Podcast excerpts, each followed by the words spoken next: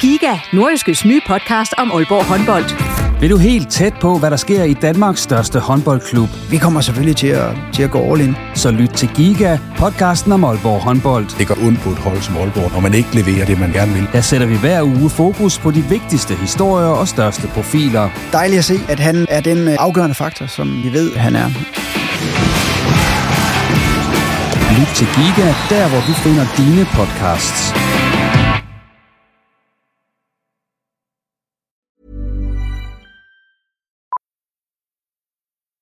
Millions of people have lost weight with personalized plans from Noom, like Evan, who can't stand salads and still lost 50 pounds. Salads, generally, for most people, are the easy button, right? For me, that wasn't an option. I never really was a salad guy. That's just not who I am. But Noom worked for me. Get your personalized plan today at Noom.com. Real Noom user compensated to provide their story. In four weeks, the typical Noom user can expect to lose one to two pounds per week. Individual results may vary. Hey, it's Ryan Reynolds, and I'm here with Keith, co star of my upcoming film, If, only in theaters, May 17th. Do you want to tell people the big news? All right, I'll do it. Sign up now and you'll get unlimited for $15 a month and six months of Paramount Plus Essential Plan on us. Mintmobile.com slash switch. Upfront payment of $45 equivalent to $15 per month. Unlimited over 40 gigabytes per month. Face lower speeds. Videos at 480p. Active Mint customers by 531.24 get six months of Paramount Plus Essential Plan. Auto renews after six months. Offer ends May 31st, 2024. Separate Paramount Plus registration required. Terms and conditions apply if rated PG.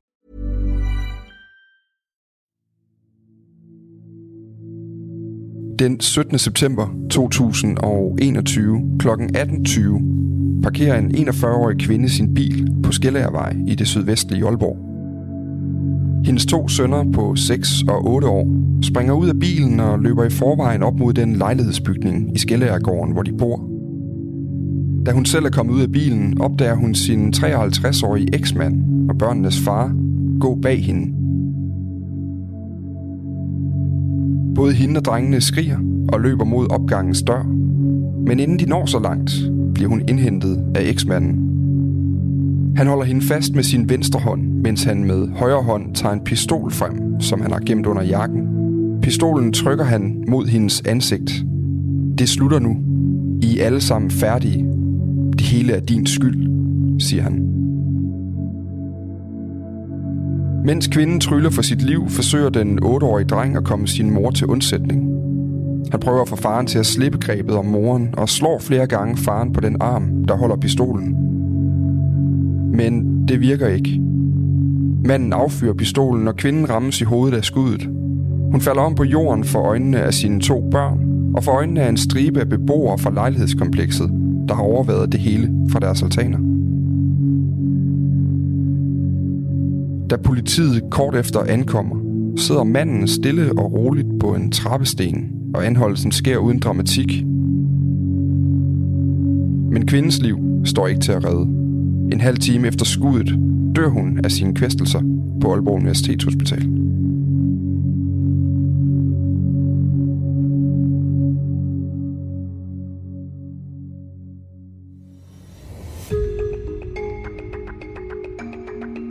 En årlang periode med stalking og forfølgelse fik den mest fatale afslutning en septemberdag i 2021, da den 53-årige Sedat Harnic slog sin ekskone ihjel ved lejlighedskomplekset Skellærgården i Aalborg. Foran de to drenge, han havde sammen med kvinden, og for øjnene af en stribe af beboere. I sidste uge fik Sedat Harnic sin dom, livstid i retten i Aalborg, og i dagens bag om forbrydelsen går vi tæt på, hvad der faktisk skete i det skæbnesvangre øjeblik. Og ikke mindst, hvad der skete i årene op til. Kriminalreporter på Nordjyske Jesper Ramsing fortæller, og jeg stiller spørgsmålene. Jeg hedder Dan Grønbæk. Velkommen til Bagom Forbrydelsen.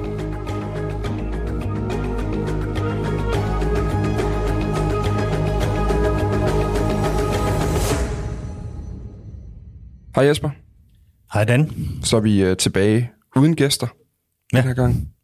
Bare dig og mig i øh, nye faciliteter. Så hvis der er en lille smule forskel i lyden derude, hvis man er vant til at lytte med, så er det altså fordi, vi er rykket til et øh, nyt domicil, og øh, lige mangler nogle af de her lydpuder på væggene endnu, men, øh, men vi satser på, at det går, det hele. Jesper, den her øh, sag, vi skal tale om nu fra 21, er jo en sag, hvor du øh, sad med hele vejen øh, undervejs. Og jeg kunne egentlig godt tænke mig at starte ved selve gerningstidspunktet. Fordi når jeg sidder og læser tilbage i dine artikler og i, øh, i det, vi generelt har skrevet på Nordjyske om den her sag, så kunne jeg forstå, at der var sådan en, nærmest en ekstra indsats fra politiet efter det her øh, drab. Altså, hvor, hvor meget fyldte det i Aalborg på det tidspunkt? Det er klart, det var en meget voldsom øh, hændelse. Det var jo et øh, skuddrab på, på åben gade for øjnene af to børn, for øjnene af, af mange øh, beboere. Så det var selv sagt noget, som jo fyldte øh, meget hos folk. Og når den slags sker ude i det offentlige rum, de her meget voldsomme hændelser, så gør politiet ofte det, at de øh, sætter ind med sådan en tryghedsskabende indsats, som, som det hedder. De har en øh, mobil politistation, som de kan køre ud, altså en, en stor var- varevogn, som fungerer lidt som en politistation, og det gjorde de også i det her tilfælde, og der kunne øh, folk jo så komme hen og, og bare tage en snak med politiet, hvis det var det, de havde behov for, men også øh, øh, fortælle noget, hvis de nu havde, havde set noget eller, eller vidst noget. Så det er både af efterforskningsmæssige hensyn, og så er det også bare for at være en altså tryghedsskabende funktion? Primært tryghedsskabende øh, funktion. Altså der har, der har lige foregået den, den måske mest voldsomme hændelse øh, i gården øh, omkring de her beboere, og, øh, og det skal selvfølgelig bearbejdes, og nogen har sikkert en masse spørgsmål til, til politiet, og det, det, øh, det, det forsøger de og ligesom at stille dem selv til rådighed ved den her øh, mobile øh, politistation, som de kører ud. Jeg synes, vi skal starte med at kigge lidt på baggrunden, inden vi kommer til selve, øh, selve episoden øh, lige om lidt. Jeg kunne egentlig godt tænke mig at starte med øh, gerningsmanden. Ja. Øh, Sedat Hanic, det vi jo ligesom ved, eller det øh, jeg kunne læse mig frem til, det er, at han er 53 år gammel og kommer fra Balkan og er så flyttet til Danmark. Hvem, hvem er han øh, ud over det? Han, han er født og opvokset i, i det, der var det tidligere Jugoslavien, i øh, trygge rammer øh, og under gode forhold, øh, som det blev beskrevet under retssagen. Og i 1992, der øh, brød borgerkrigen i Jugoslavien så ud i Bosnien. Det er der, han kommer fra. Øh, og der oplevede han og hans familie øh, at blive udsat for trusler og, og forfølgelser, som gjorde, at de som så mange andre på det tidspunkt flygtede fra det tidligere Jugoslavien. Og han kom så til Danmark i, øh, i 93. Og han øh, faldt faktisk ret hurtigt til i, øh, i Danmark, og han har øh, været øh, meget velfungerende øh, i sin tid i Danmark. Han har været erhvervsdrivende, han har faktisk været selvstændig og haft sin egen virksomhed i, i øh, 17 år øh, og havde, øh, altså var, var fuldt integreret. Han bosatte sig ude i Hvide, Hvide Sande, og der øh, levede han ellers øh, et, øh, et, et helt normalt øh, liv, som, som, som de fleste gør her i Danmark. Nu fortalte jeg jo i min intro, at han var eksmand til den her øh, dræbte kvinde fra den her episode. Men hvad, øh, hvad er deres relation? Hvornår begynder den, og, og, og, og, og, og hvad består den ligesom af? Øh, jamen, de møder hinanden i 2010. Sedat har på det her tidspunkt nogle øh, flere øh, forliste forhold bag sig, men i 2010, der møder øh, han den nu afdøde kvinde via en øh, dating site. Og øh, de bliver faktisk de mødes ret hurtigt, de bliver hurtige kærester, og allerede året efter, altså i 2011, der blomster deres forhold øh, så meget, at de, øh, at de bliver gift. De får også de her to børn sammen, men allerede i 2015, så begynder forholdet og, og knirke. Den 41-årige kvinde, hun flytter til Aalborg, og i 2015 bliver parret øh, separeret, og så bliver de så først skilt to år senere, altså i, øh, i 2017. Mm. Og som jeg sagde før, så er de her to drenge, som de har sammen, er 6 og 8 år på gerningstidspunktet i 2021. Mm. Hvordan er det så gået i årene efter deres skilsmisse i, i 17? Altså, hvordan håndterer de det hver især? Nu, nu kan vi jo desværre ikke høre øh, den 41-årige kvindes øh, side af sagen, men de vidner, som var i retten, øh, det de fortalte, vidnede i hvert fald om, at, at hun havde en helt anden udlægning af, hvordan øh, øh, tiden efter skilsmissen har været. Men det var øh, helt faktuelt en meget øh, problematisk og turbulent tid efter øh, skilsmissen. Der begyndte jo at være øh, konflikter mellem de her to. Der begyndte at være konflikter omkring samværet med øh, børnene. Den 41-årige kvinde, hun boede i Aalborg, og øh, Sedat, han blev boende i Hvide Sande. Øh, og han så ikke rigtig øh, børnene, og det var uden tvivl, at han øh, bebrejdede hende for, at han ikke kunne have samvær med børnene. Det man nok vil karakterisere som øh, chikanerende adfærd, det er jo egentlig det, han, han sådan der for dagen. Altså han sendte rigtig, rigtig mange beskeder til øh, sin, sin, sin ekskone, og mange af beskederne var også decideret trusler. I 2018 blev det så alvorligt, at der fik han et tilhold øh, mod at kontakte øh, den 41-årige kvinde, men mindre det havde noget med samværet øh, øh, at gøre. Men i retten der fik vi fremlagt en masse af de her beskeder, som han havde sendt, også de her trusler, han havde sendt, og der var ikke rigtig noget, som relaterede sig direkte til børnene. Og som årene gik, altså i 18, 19 og 20, der blev truslerne værre og værre. Det var dødstrusler. Han troede hende direkte med at, at vil slå, slå, slå hende ihjel. Men det er altså i 2018, han får det her tilhold mod hende. Så det er jo egentlig ret hurtigt efter skilsmissen, at det eskalerer. Den her, det, det vi vel godt kan beskrive som en eller anden form for stalking. Ja, det er chikane i hvert fald, og trusler. Anklageren i sagen øh, kaldte det en forfølgelse, og det øh, endte jo også med at have karakter af det, som skete i årene efter. Altså i retten forklarede han selv, at umiddelbart lige efter skilsmissen, der havde de et godt samarbejde. Ifølge ham gik det hele galt, fordi at hans ekskone på det tidspunkt mødte en ny øh, fyr, øh, og det står så hen i uvæser om, øh, øh, om, om hans forklaring omkring det er, er rigtigt eller ej. Det gik i hvert fald ret hurtigt galt mellem dem, og det endte ret hurtigt i øh, de steder chikaner og de steder trusler mod kvinden.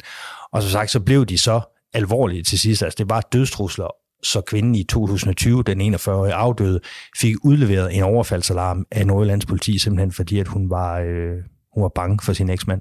En detalje, jeg også lagde mærke til i din, øh, i din dækning af retssagen, det var jo, der var noget med en GPS-sender. Ja, det kom også frem under øh, retssagen jo, at udover at han havde chikaneret hende og, og troet hende i beskeder, så havde han jo også det sted storket hende. Han havde forfulgt hende, holdt øje med hende. Blandt andet ved at have installeret, uden hun vidste selvfølgelig, GPS-tracker på, øh, på hendes bil. Det har han gjort to gange. Den første gang, han, øh, han havde installeret den, der var det faktisk kvindens far, som tilfældigt, fordi han øh, var ved at reparere eller skifte hjul på bilen, opdagede den her GPS-tracker, og så fik øh, taget den af. Men så kom det frem, at han, han så efterfølgende på et eller andet tidspunkt havde sat en ny GPS-tracker op, og den fandt politiet øh, i forbindelse med efterforskningen af, af drabet. Så på det tidspunkt, hvor øh, drabet sker, der har han faktisk en GPS-tracker på kvindens bil. Han kunne via sin mobiltelefon jo følge, hvor hun var hen, eller hvor hendes bil i hvert fald var hen, og det brugte han faktisk også den dag, han, øh, han besluttede at køre til Aalborg for at slå hende ihjel.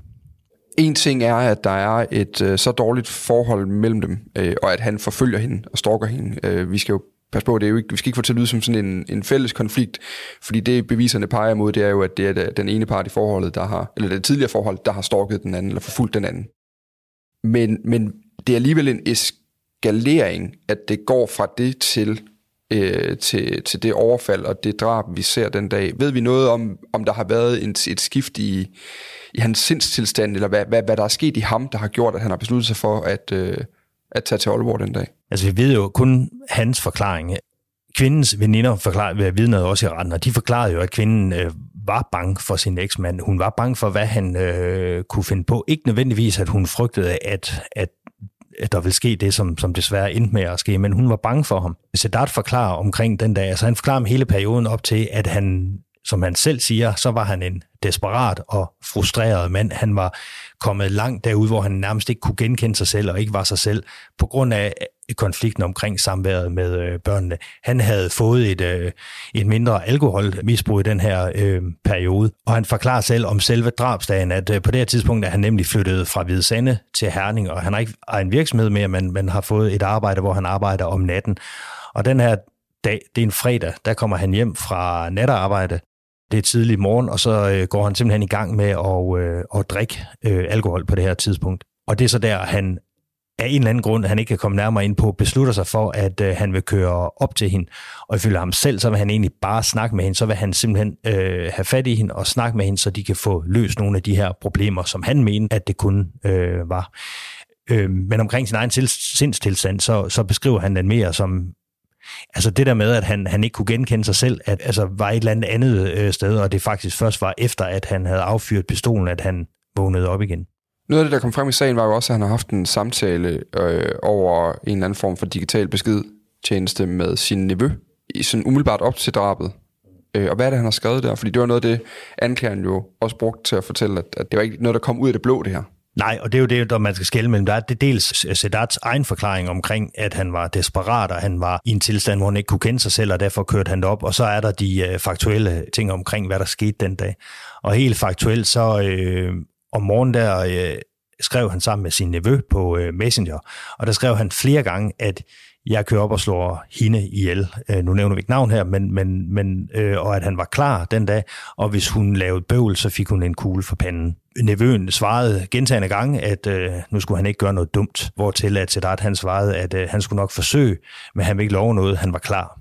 Efter de beskeder, så er det også øh, helt faktuelt, at han øh, lader sin pistol, og han putter den i et hylster, han har inde på, i brystet, sådan en ligesom agenter har, du ved, de har den inde i inderlommen i et hylster. Og øh, så sætter han sig ind i sin bil, og han tjekker GPS-trackeren, og så kører han mod øh, Aalborg. Hvor har han den her pistol fra? Altså, har han bare den? Er det... Det vil han ikke forklare. Det er jo en, han havde. Det, det var, det ikke en, han har tilladelse til at have? Eller? Nej, det var det ikke, og formentlig så stammer den helt tilbage fra øh, øh, Jugoslavien-tiden, altså hans tid dernede. Øh, men, men det var ikke noget, han, han kom nærmere ind på. Hvad sker der så, øh, da han ankommer til Aalborg? Jamen, ved, at han kører, han kører til Aalborg, og der kører han rundt nogle timer og øh, venter på hende. Han ved jo godt, hvor, øh, hvor hun er, så, men han beslutter sig for at vente på hende, indtil hun øh, kommer hjem til, til Skallergården her. Og, øh, og der går nogle timer, og da han så ser bilen, jamen, så øh, venter han på, at børnene de er løbet i forvejen. Så tager han faktisk et mundbind på, øh, og så går han efter sin, øh, sin ekskone. Ekskonen, hun opdager hurtigt, at øh, den øh, 53-årige går lige bag bag hende, øh, og det gør børn, børnene faktisk også. Og i retten der øh, forklarer vidner, at øh, både ekskonen og børnene, de, øh, de skriger ifølge vidnerne skriger de i panik og begynder at løbe fra den her øh, mand, altså øh, deres far, som kommer bag dem. Han indhenter dem så ud for opgangen her i Skellergården, hvor du, som du sagde i indledningen, han holder fast i sin ekskone med den ene arm og tror hende med pistolen, øh, øh, som han har i den anden hånd. Hvis man forestiller sig sådan en boligbyggeri, så er der jo mange vinduer, der, man, hvor man hele tiden kan se næsten alle vinkler i sådan en gård fra. Det sker simpelthen helt offentligt lige foran opgangen til en af boligblokkene. Ja, det sker helt offentligt, og det er jo den 17. september. Det er øh, kort efter klokken øh, 18. De fleste beboere, de, øh, nogle har spist, nogle er i gang med at lave mad, eller sidder og, og spiser, og der er lyst udenfor, så, så det sker for øjnene af dem. De her skrig, som kommer fra børn øh, eller den, den dræbte kvinde, bliver hørt af de her beboere. Det på den måde, at de faktisk bliver opmærksom på, at der, at der foregår noget øh, nede i gården, og det er derfor, flere går ud på altanen for at kigge, hvad det egentlig er, der foregår. Og de bliver så vidner til det her optrin, som varer måske fem minutter i det hele, og de bliver også vidner til selve drabet. Udover det er øh, overværet af de her mange øjenvidner, som, som, som jeg har stået og kigget på, så var der jo også en mand, som filmede det her med sin mobiltelefon. Så selve drabet er jo filmet ret tæt på, øh, og man kan jo høre og se øh, alt, hvad der foregår. Den video blev afspillet i retten, men for lukkede døre. Altså der var pressen eller tilhører ikke til stede. Men både anklager, forsvar og, og også dommeren i dommen har jo øh, refereret til, til, hvad der er sket. Vidnerne har forklaret meget detaljeret, hvad det var, man øh, så på den her video som jeg beskrev i starten, så forsøger den største dreng, øh, som er 8 på det her tidspunkt, forsøger jo at blande sig. Og slår ham på armen, blandt andet, som holder øh, pistolen, og prøver i det hele taget at, øh, og, og få faren til at slippe moren. Vidnerne forklarer jo, at den store dreng forsøger gentagende gange at, at få faren til at holde op med det, han har gang i over for sin mor. Den mindste dreng, han er gået lidt væk. Han sidder over i opgangen. Så affyrer han jo så pistolen alligevel, øh, efter han jo har sagt de her ord, som jeg var øh, inde på i starten, som kom frem i retten, hvor han siger, ifølge vidner siger, det slutter nu, I er alle sammen færdige, det er din skyld. Der siger han jo I i den, men hvad sker der med børnene bagefter? Hey, I'm Ryan Reynolds. Recently, I asked Mint Mobile's legal team if big wireless companies are allowed to raise prices due to inflation. They said yes. And then when I asked if raising prices technically violates those onerous two-year contracts, they said, what the f*** are you talking about, you insane Hollywood ass?" So to recap, we're cutting the price of Mint Unlimited from $30 a month to just $15 a month. Give it a try at mintmobile.com slash switch. $45 up front for three months plus taxes and fees. Promoting for new customers for limited time. Unlimited more than 40 gigabytes per month. Slows. Full terms at mintmobile.com. Efter skuddet falder, og den 41-årige kvinde falder om på jorden, der smider øh, drabsmanden, den 53-årige, han smider pistolen over i græsset, og så går han over i uh, trappeopgangen og, og øh, så, så sætter sig ned. Børnene, de er stadigvæk omkring øh, moren her, der, øh, der ligger på jorden. Ret hurtigt så kommer der nogle øh, naboer, faktisk den afdøde kvindes nabo kommer ned, og hun øh, tager de her to børn med op i, i sin egen lejlighed, mens, øh, mens politiet og så videre, de er nede øh, på gerningsstedet. Men der er ikke ifølge vidner og de her mobiloptagelser, der, der er ikke kontakt mellem faren og hans børn? Nej, og det er jo også noget, det retten har lagt meget vægt på, det er, at han jo hele tiden har forklaret, at alt det her handlede om børnene. Men på intet tidspunkt havde han fokus på børnene under episoden. Han havde ikke nogen dialog med børnene, han kiggede ikke på øh, børnene, han havde altså han havde intet fokus på, på øh, børnene. Vidnerne beskrev det som en meget målrettet mand, som gik direkte hen til sin ekskone, tog fat i hende og skød hende, og gik derefter øh, væk og sad stille og roligt, som om at han havde øh, gjort det, han var kommet for at gøre. Jesper, vi har altså en mand her, som er født og opvokset i Bosnien, mm. under ordnet forhold, i en relativt tryg familie, må man gå ud fra. Det er i hvert fald det, der blev kommet frem i retten.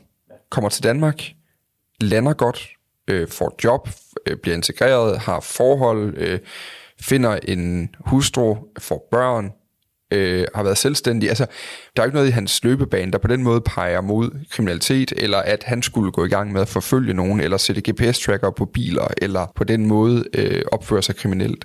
Kom man, kom man tættere på, hvad det er, der er... Altså, hvad den her skilsmisse udløste i ham, og hvad der egentlig skete i de der år?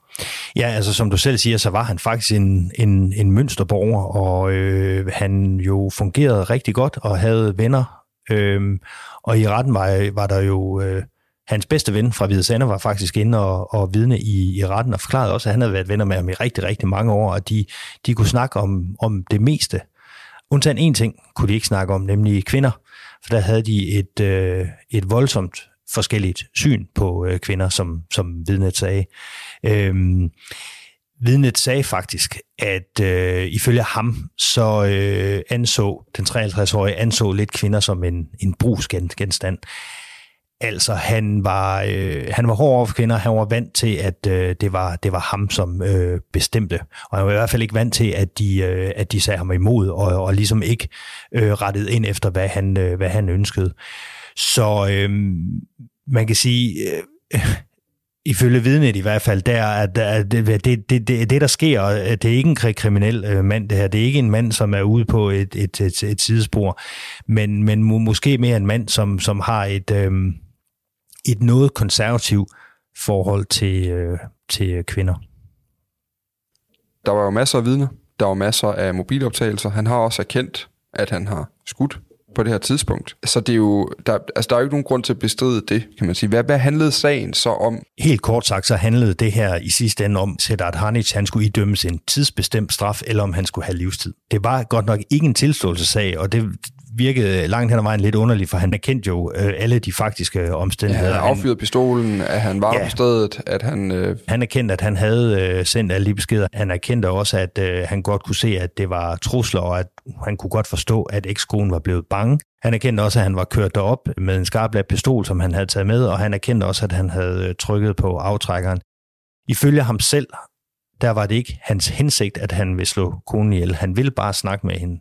Hvorfor han så tager pistolen med? Jamen, hans forklaring var, at i hans erfaring, der var, at folk hørte øh, altså bedre efter, når at de blev truet med en pistol. Jeg tror, det var det tætteste, man kom på en forklaring på, hvorfor han tog den med. Samtidig så sagde han dog også, at han kunne godt se, eller han vidste godt, det var heller ikke, det var ikke et uheld, at han trykkede på aftrækkeren, og dermed var det heller ikke et uheld, han, han slog en ihjel. Så han erkendte jo stort set det hele, men, men fik muligheden for at, at komme med sin forklaring i retten. Så det, så det store stridsspørgsmål var egentlig, hvor lang tid han skulle i fængsel? I sidste ende handlede det om, om det var en tidsbestemt, altså op til 16 års fængsel, eller om han skulle idømmes øh, livstid. Noget af det, der ofte er interessant ved de her retssager, det er jo, at i en sag som den her, der vil anklager og øh, forsvar vil jo forsøge at skabe hver deres billede af gerningsmanden og hvad der er sket. Ud fra, som passer til den straf, de nu mener passer til, øh, til, til den givende forbrydelse. Hvad var det for en version af sig selv, som øh, Sedat Hanic og hans øh, forsvar gerne vil have retten og, og, øh, og nævningen så? Sedat Hanic sagde selv i retten, at han ikke ønskede noget. Han ønskede heller ikke tilgivelse, og at han havde gjort det utilgivelige, og at han derfor skulle have sin straf. Det var hans egne ord. Så de forsøgte, han forsøgte ikke at, at, øh, at løbe fra alvorligheden af det, han har gjort. Han forsøgte heller ikke at løbe fra, at han skulle have en alvorlig straf, men han, var, han, han udtrykte også taknemmelighed for, at han fik lov til at fortælle sin version af sagen. Og hvad var det så for en version af sagen, som, øh, som anklageren gerne vil have retten til at se. Anklagerens version var også den, som endte med at blive lagt til grund for hele hele dommen. Anklageren sagde, at det her det var en planlagt likvidering af ekskonen som kulmination på en årlang forfølgelse af den 41-årige kvinde. Og at det var særdeles skærpende, altså særdeles groft, at det var sket for øjnene af, af de her to små øh, drenge. Mm. Øh, og det var også det, som, som retten, et enigt nævning af ting, til sidst endte med at sige, det fandt de også var det, der var sket. Men hvad er det egentlig for... Nu, nu var du inde på det med, at Sedat Hanic øh, forsøger egentlig ikke at slippe for straf. Han er klar til at tage sin straf. Hvad, hvad var så hans argument? Altså var det, at han skulle have en tidsbestemt øh, straf på x antal år, og hvor, hvor mange år? Ja, det var det jo. Forsvaren holdt jo nogle i øvrigt meget korte øh, procedurer, fordi det her lå så meget op af en tilståelsesag, at, at der jo ikke var så meget at, at argumentere mod. Nej. De gik efter 16 års fængsel, altså den højeste tidsbestemte straf, man, man, man, man sådan set kan, kan få. Ja. Sedat Harnish var selv lidt kryptisk, da han fik de sidste ord. Det får man jo altid som tiltalt, inden dom bliver afsagt, så har man mulighed for at sige de sidste ord i retten, hvis der er noget, man, man gerne vil sige. Og her, her takkede han jo, øh, højst usædvanligt, så takkede han retten, han takkede anklageren for, for en behagelig og ordentlig tone, og han takkede øh, nævningene for, at han, han havde mulighed for at sige, øh, komme med sin øh, version af sagen, fordi de gad at, øh, at høre på det. Og så sagde han egentlig, at han skulle ikke have en mild straf, men han skulle heller ikke have en for høj straf. Nævningene og retten øh, kommer frem til, at Sedat Hanic han skal have livstid for drabet på den her 41-årige kvinde i september 2021. Hvor lang tid er det? Hvad betyder det egentlig? Ja, livstid betyder jo teoretisk set livstid. Inden for livet, men det, ja. men det gør de jo nej, nærmest aldrig praktisk. Nej, nej, det har det aldrig gjort i, i Danmark, øh, selvom der stadigvæk er nogen, der sidder og har siddet der i, i, i snart 40 år, den længste. Øhm, så er der ikke nogen, som har siddet der øh, resten af deres liv. Men som udgangspunkt, et teoretisk udgangspunkt, så er, betyder livstid, at du skal sidde i fængsel resten af livet. Det er en tidsubestemt straf. Der er altså ikke nogen udløbsdato på, hvornår du øh, eventuelt kan blive øh, løsladt. Men i gennemsnit sidder en livstidsfange i Danmark omkring 17 år, før han eller hun bliver, bliver prøveløsladt. Når man er idømt livstid, så kan man tidligst søge om prøveløsladelse, når, der, når man har afsonet 12 år. Får man så afslag der, så kan du så, øh, efter øh, du har afsonet i 14 år, så indbringe afslag for domstolene for at få, få, få en domstol til eventuelt at, at omgøre det. Ikke? Men når du skal mindst sidde i 12 år, for, før du kan begynde at søge om, om prøveløsladelse. Hvor ofte bliver den her øh, straf taget i brug i Danmark egentlig? Nu er du lidt inde på, at der er en, der har siddet i 40 år, men, øh, men hvor mange sidder lige nu på livstid? Øh, I 2022 var det 37, mener jeg man kan sige, inden for de sidste 10-15 år, der er sket en markant stigning i antallet af personer, der bliver idømt livstid. Det har ligget på et niveau på omkring en om året i gennemsnit i rigtig mange år. Det var en dom, som blev øh, brugt meget sjældent, men, men, men der er sket en forøgelse, og det er en, en straf, som bliver idømt mere og mere nu. Er, er, det, er det noget politisk, der er sket? Altså, hvad Nej, er det, der har rykket ved det? Ja, men vi har fået nogle strafskærpelser i strafloven og hele bandområdet, øh, som også er tilfældet her med hensyn til våben. Når man bruger øh, våben i det offentlige rum, så er der nogle strafskærpelsesbestemmelser, som det hedder i straffeloven, som simpelthen kan hæve straffen så meget, at øh, det vil udløse livstid. For i straffeloven, der er der ligesom, øh, der er 16 år som udgangspunkt den øh, højeste tidsbestemte straf, man kan få så kan man få forhøjet sin straf, og så kan man gå helt op til 20 år. Men 20 år er så det absolut maksimum. Hvis at øh, straffen ryger over 20 år, så skal det udløse en livstidsdom. Og det er det, som blandt andet har været med til at give de her flere livstidsdomme, vi har set de senere år. Nu taler du om, at der har været i livstidsdommen tidligere, der var det cirka en om året. Ja. Men ja, der har vel nærmest ikke været et år siden, jeg blev født i 90, hvor der kun har været et drab om året i Danmark. Nej. Så, så hvad er det, der gør, at det her drab, at et drab som det, Sedat Hanic begår i september 2021, pludselig bliver til en livstidsdom, i stedet for en tidsbestemt dom, som man jo øh, historisk set har, øh, har, hvad kan man sige, har straffet de fleste drab i Danmark med? Livstidsstraf er, øh, man skal sige, nu skal man passe på med at sige, hvad man plejer og hvad der er normalt i dansk øh, ret. Det kan jo selvfølgelig ændres undervejs, og det er ja. måske også det, det er ved at ske nu. Men i dansk ret har det været sådan, at livstidsdomme, det var, hvis du havde slået flere ihjel, hvis du var dømt tidligere for drab og begik et nyt drab, eller hvis drabet var så øh, bestialske, det skulle udløse livstid. Og her er det for eksempel Uber-sagen med Peter Madsen var et eksempel på det, ikke? Og det var jo ikke tilfældet i den her øh, sag. Det var faktisk ikke drabet i sig selv, som udløste øh, den her livstidsdom. Hvis du bruger et skydevåben i offentlig rum, et offentligt tilgængeligt sted, til den forbrydelse, du har gået, så kan straffen stige med indtil det halve. Og det vil sige, hvis hendes udgangspunkt er, at det her det skal straffes i 16 år, og så indtil det halve, det er altså 8 år oveni, så landede hun på 24 års straf, altså over det absolut maksimum, man kan give i dansk øh, ret, nemlig 20 års fængsel. Og så siger straffeloven, kommer du derover, så skal det udløse livstid. Og det var det, der skete i den her sag. Det var, at den samlede straf for forbrydelsen, inklusiv strafskærpelsesbestemmelsen, endte simpelthen med, at du kom over øh, de her 20 år som er maks, og så skal det være, øh, så skal det være livstid. Den 53-årige Sedat Harnic får altså livstid for mordet på den 41-årige kvinde i Skellærgården i 2021. Efter sagens afslutning udbad han sig betænkningstid, og han har efterfølgende valgt at anke dommen til landsretten.